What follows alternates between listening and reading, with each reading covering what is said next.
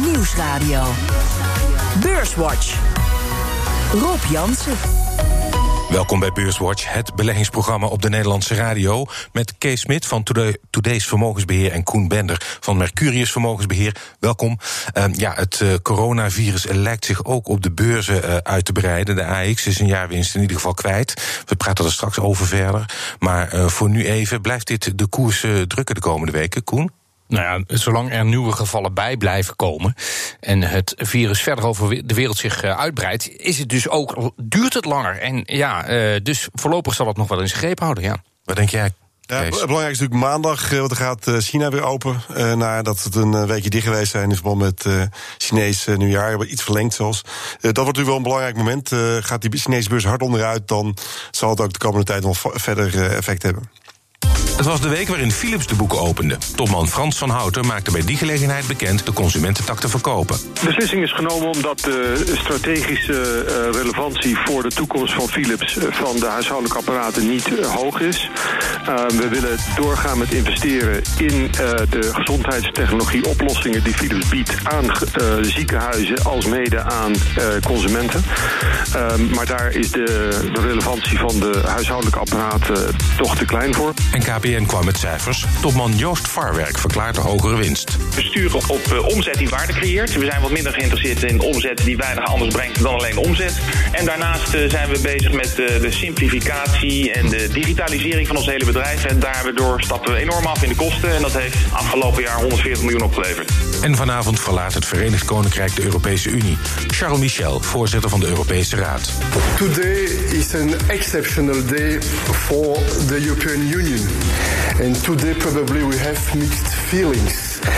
It's never a happy moment when someone leaves, but we are opening a new chapter karakteristiek Engels, laten we het zo noemen.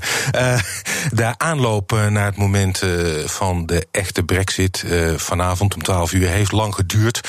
zo lang dat veel van mijn gasten, jullie ook, vaak het onderwerp helemaal beu waren. Maar ja, Michel heeft wel gelijk, denk ik. Een historische dag en uitgerekend op de dag dat wij een uitzending hebben. Um, vanavond Brexit, ze horen er niet meer bij straks, Koen. Verwacht jij de komende weken chaos rond die Brexit? Nee, de komende, de komende elf maanden zit je nog in die transitieperiode. Dan blijft eigenlijk alles uh, min of meer hetzelfde. Hebben ze dus tijd gewonnen om tot een deal te komen. Maar de klok loopt wel. En die loopt natuurlijk hard door. Dus uh, voor je het weet is het 31 december. En dan moet er wel een echte grens zijn. En tegelijkertijd worden er heel veel uh, nieuwe beslissingen genomen. Waar de Britten zich wel aan moeten houden. Maar niet over mee kunnen stemmen. Zoals onder andere het, het Farm to, to Fork programma over voeding. Dat is al uh, komende uh, vrijdag in, uh, in behandeling in de EU. Dat is voor de Britten natuurlijk heel belangrijk, want er zit heel veel landbouw in. En dit gaat om het verlagen van uitstoot. Daar mogen ze niet over meebeslissen. Dus het zal voorlopig nog geen chaos tot, tot chaos leiden. Maar ze moeten nu wel echt voort gaan maken met, met beslissingen. Ja, wat denk jij, Kees? Nee, ik denk ook dat het geen chaos is. Ik sluit me helemaal aan bij Koen. we hebben elf maanden de tijd, maar er moet wel heel veel gebeuren. Want zij hebben vis en en, uh, ja. uh, en wij hebben weer andere spullen. Dus uiteindelijk moet er uh, snel tot de regeling gekomen worden. Ja. En Koen, ben je niet bang dat zeg maar in die onderhandelingen, want eigenlijk die gaan nu komen, dat wordt heel lastig, zeg je, terecht lijkt me, dat het nieuws daar, wat daarover naar buiten komt, dat dat nog voor schommelingen kan zorgen? Ja, op zich wel. Maar zolang het nog niet duidelijk is hè, hoeveel vis van jou en hoeveel aardappels van ons, is er dus geen beslissing waarop je door kan pakken. Hm. Dus voor bedrijven, ja, uh, ga ik nou wel of niet mijn vloot in Engeland uh, omkatten en in Engeland leggen en het de Britse vissersvloot maken? Of ga ik mijn minifabriek in Boren neerzetten? Al dat soort beslissingen, die hangen toch nog voor een belangrijk deel in de lucht. Sommige zijn wel al genomen, misschien door BMW.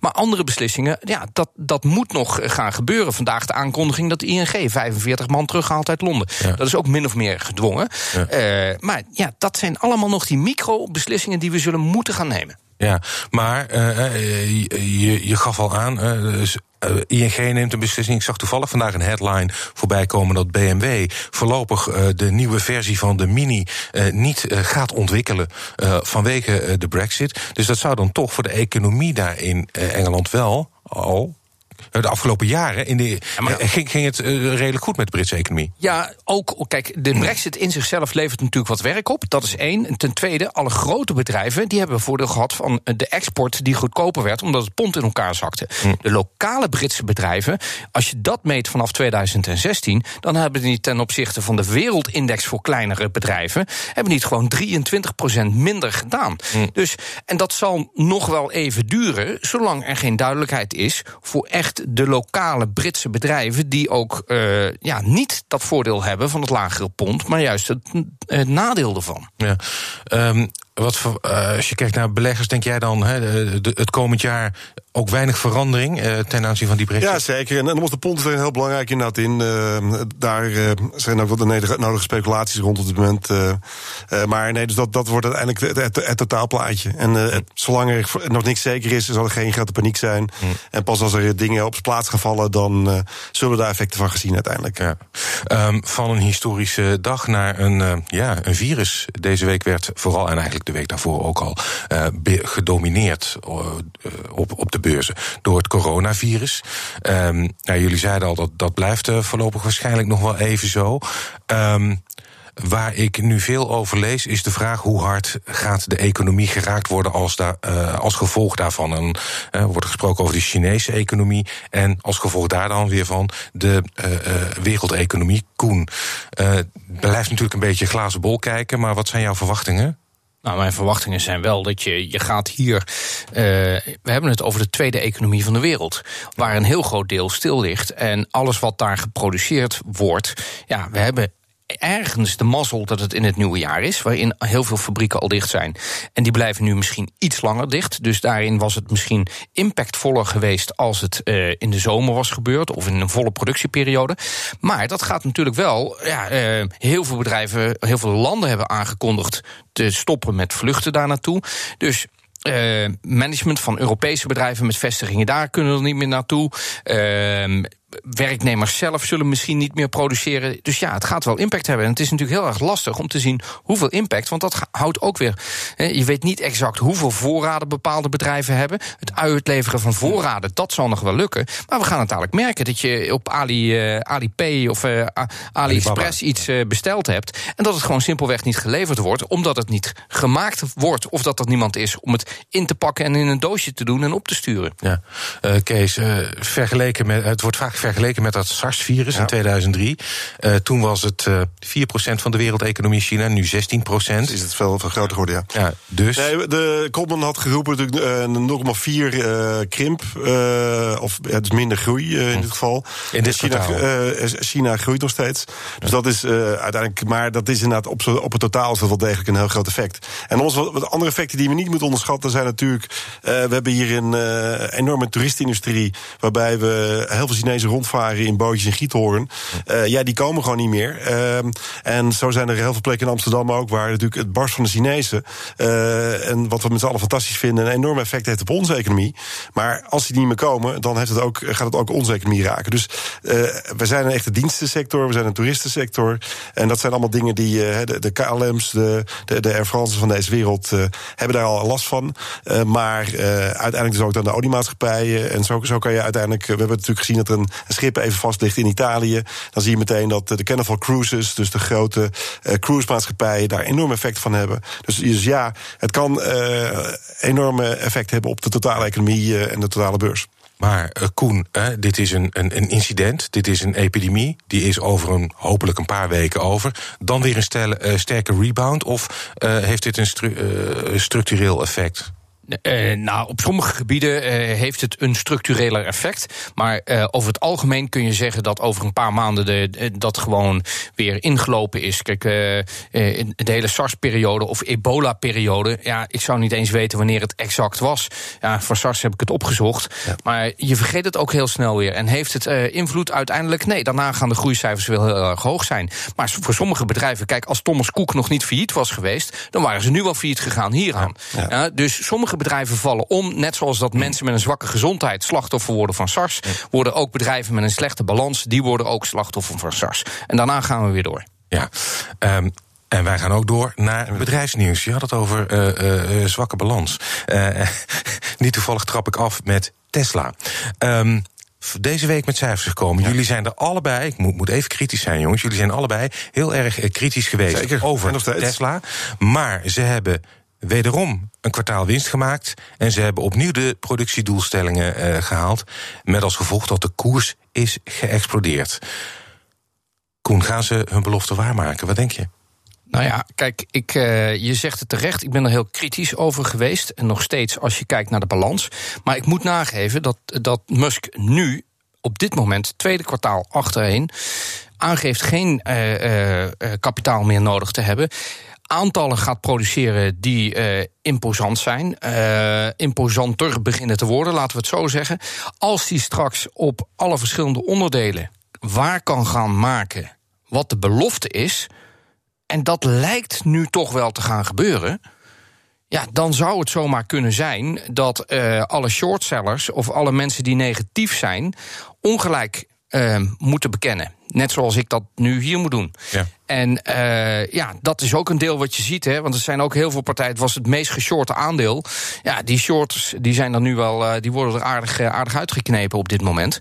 En uh, ja, wat, wat als die dadelijk of op batterijtechnologie, of op zelfrijdende technologie, of als autoproducent slaagt. Eén van die drie is misschien al genoeg om deze waardering te dingen. Wat als die combinatie van die drie straks echt tot aantallen gaat leiden dat we allemaal de zelfrijdende technologie ook in een BMW of in een Mercedes terugvinden? Arizon van 25 dollar per maand in een abonnementje. Dan is dat onwijs veel geld waard. Hm. Ja, kijk naar wat het effect is van zo'n, zo'n, eh, waar we het straks misschien nog over gaan hebben. Amazon Prime of een, of een Netflix. Dat soort waarderingen ga je dan krijgen. Als alle auto's zelfrijdende techniek gaan krijgen, ja, dan is Tesla in de front ja, maar seat. Maar zover zijn we natuurlijk nog niet, Koen. Dus ik, ik, vind, ik, nee, uh, ik, waardeer, ik waardeer je enthousiasme. maar uh, nee, kijk, nee, natuurlijk, uh, voor, voor volgend jaar wordt, of voor dit jaar eigenlijk, wordt 8 dollar verwacht voor, als winst.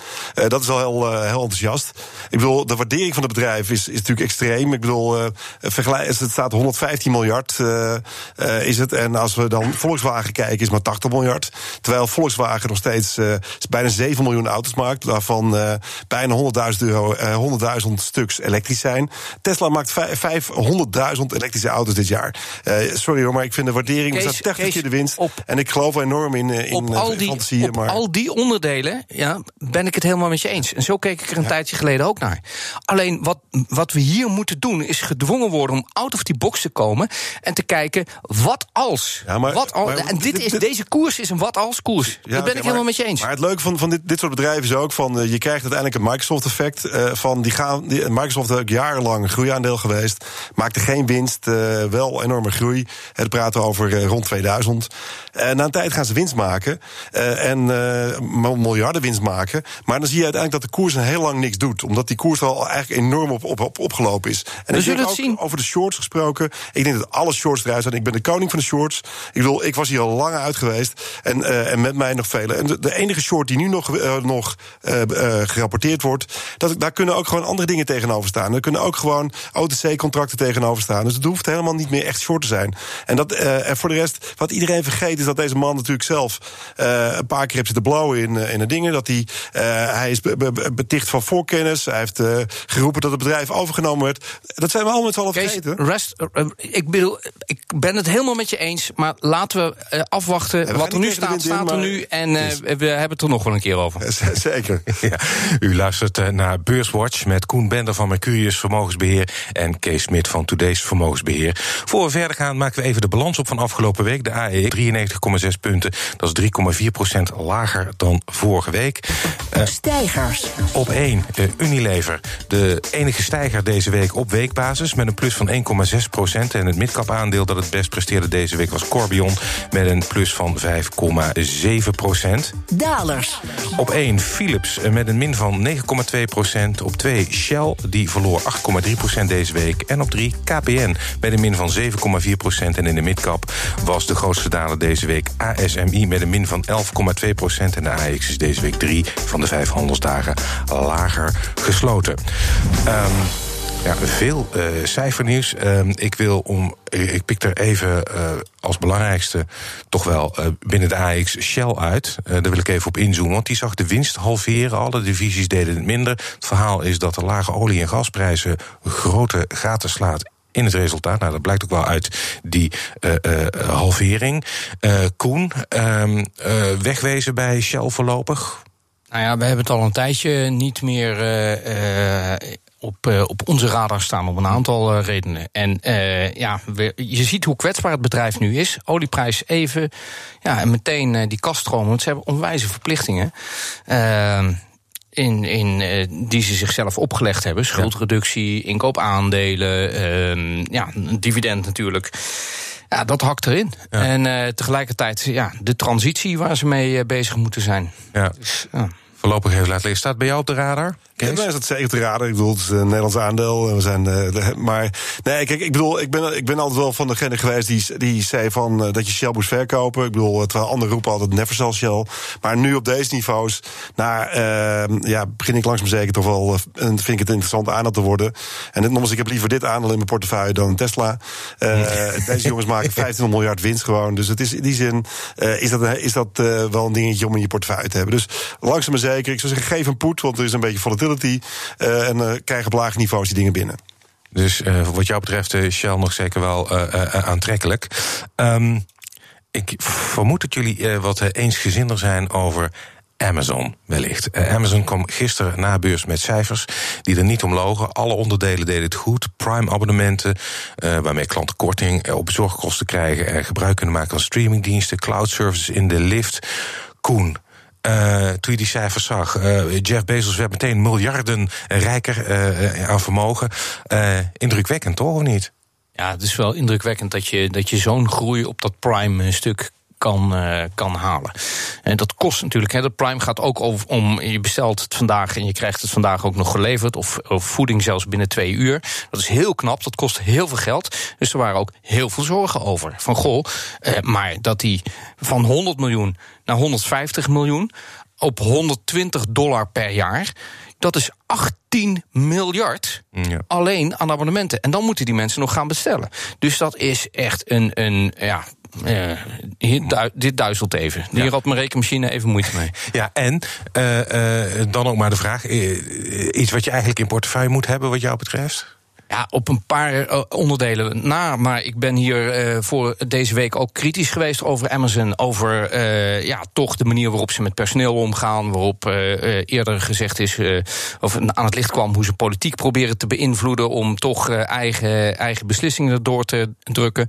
Maar voor de groeicijfers en de manier waarop ze toch de consument meenemen. en overal waar ze komen heilige huisjes omverduwen en nieuwe dingen introduceren. En dat ook ook nog eens een keer heel erg winstgevend, ja, dan kan je er bijna niet omheen.